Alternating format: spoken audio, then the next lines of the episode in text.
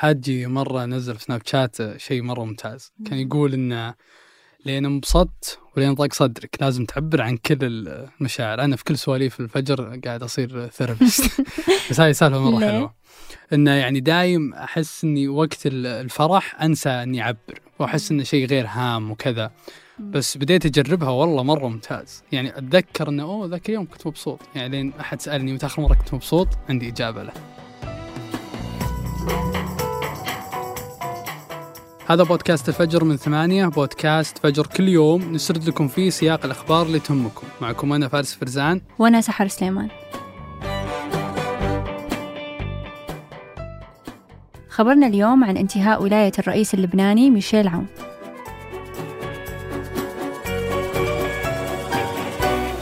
اليوم صباحا وجهت رسالة إلى مجلس النواب بحسب صلاحياتي الدستورية.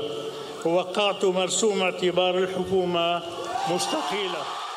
أمس الثلاثاء انتهت ولاية الرئيس اللبناني ميشيل عون بعد ست سنوات من رئاسته. في هذا الخبر بنشوف لبنان من خلال ميشيل عون كونه من أهم الشخصيات اللي مرت في تاريخ لبنان.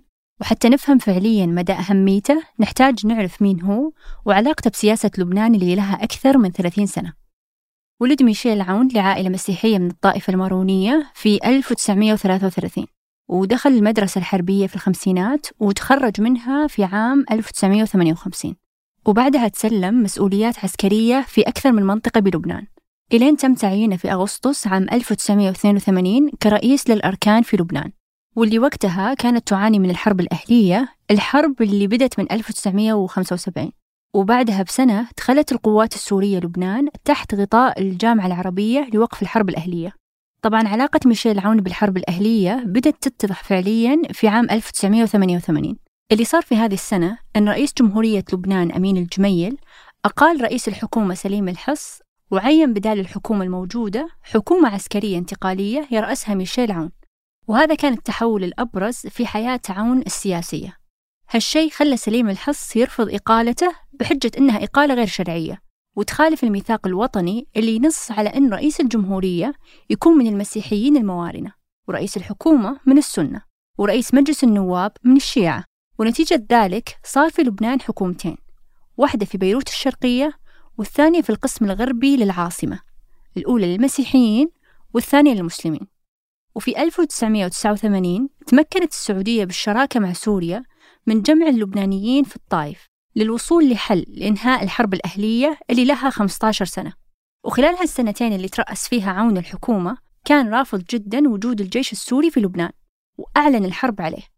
والبعض يقول أن الدوافع الحقيقية لرفضه هي بسبب سلب اتفاق الطائف الصلاحيات التنفيذية اللي يتمتع بها رئيس الجمهورية المسيحي ومنحها لرئيس الحكومة المسلم. طبعا استهداف عون لسوريا خلى القوات السورية تقصف القصر الجمهوري في بعبدة. والشيء اللي أجبر عون على اللجوء للسفارة الفرنسية ببيروت. ومن هناك هرب إلى فرنسا. هالفترة هذه كانت ما بين 1990 حتى 2005 وهي فترة ما بعد الحرب الأهلية واللي عاش فيها عون بالمنفى. وهالفترة تميزت بهيمنة سوريا على الشأن اللبناني وعلى فيها صوت حزب الله اللي اعتبر نفسه مقاومة ضد إسرائيل. ورجع عون للبنان بعد اغتيال رفيق الحريري في 2005 وبعد انسحاب القوات السورية من لبنان بقرار من الأمم المتحدة عام 2004 القرار اللي دعا لانسحاب القوى الأجنبية وحل جميع الميليشيات اللبنانية ونزع سلاحها.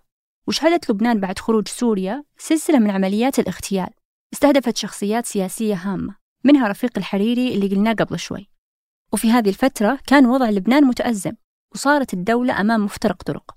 إما أن البرلمان يتفق على رئيس جديد وحكومة جديدة أو تنزلق البلد لفراغ سياسي وفوضى أكبر تزيد من معاناة اللبنانيين. وبعد رجعة عون للسياسة أسس حزب التيار الوطني الحر واللي هو اليوم أكبر حزب مسيحي في لبنان.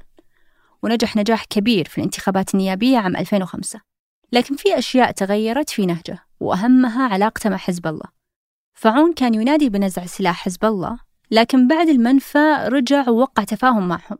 وتراجع عن مطالبه السابقة ورفع مع حزب الله شعار المقاومة ضد إسرائيل. وتحالفه مع حزب الله خلاه يتغاضى عن سلاحهم الخارج عن تنظيم وإدارة الدولة.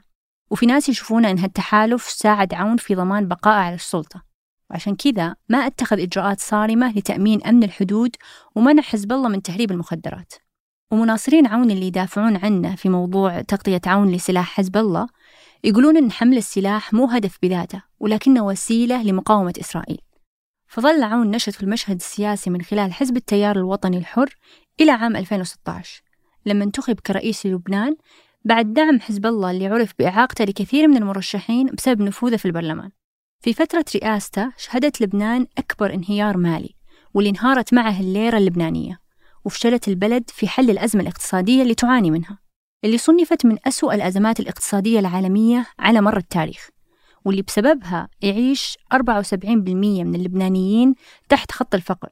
ووصول لبنان لحافة الانهيار هو نتيجة لتراكمات تسبب بها الفراغ السياسي اللي تكلمنا عنه في حلقة سابقة بالفجر.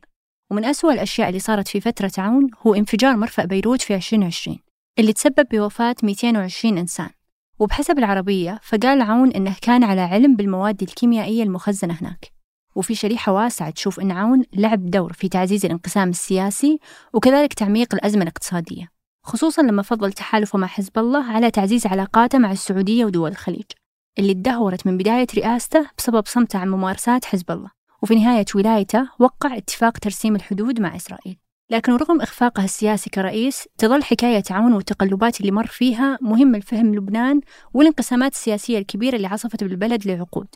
فهذه مو أول مرة يكون فيه فراغ سياسي بلبنان وما يجي بعد أحد بسبب الخلافات السياسية والطائفية.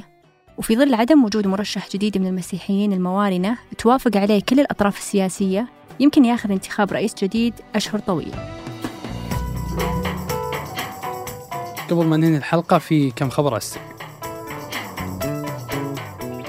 الخبر الأول مجلس الوزراء يقرر تحويل هيئة الاتصالات وتقنية المعلومات إلى هيئة الاتصالات والفضاء والتقنية.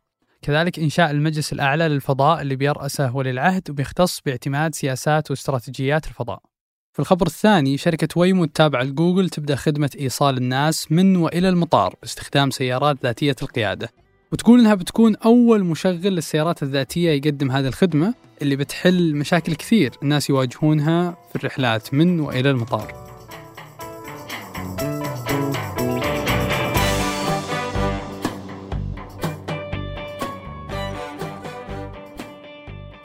أنتج هذه الحلقة عمر العمران وقدمتها أنا سحر سليمان. وأنا فارس فرزان. وحررها محمود أبو ندى. نشوفكم بكرة الفجر.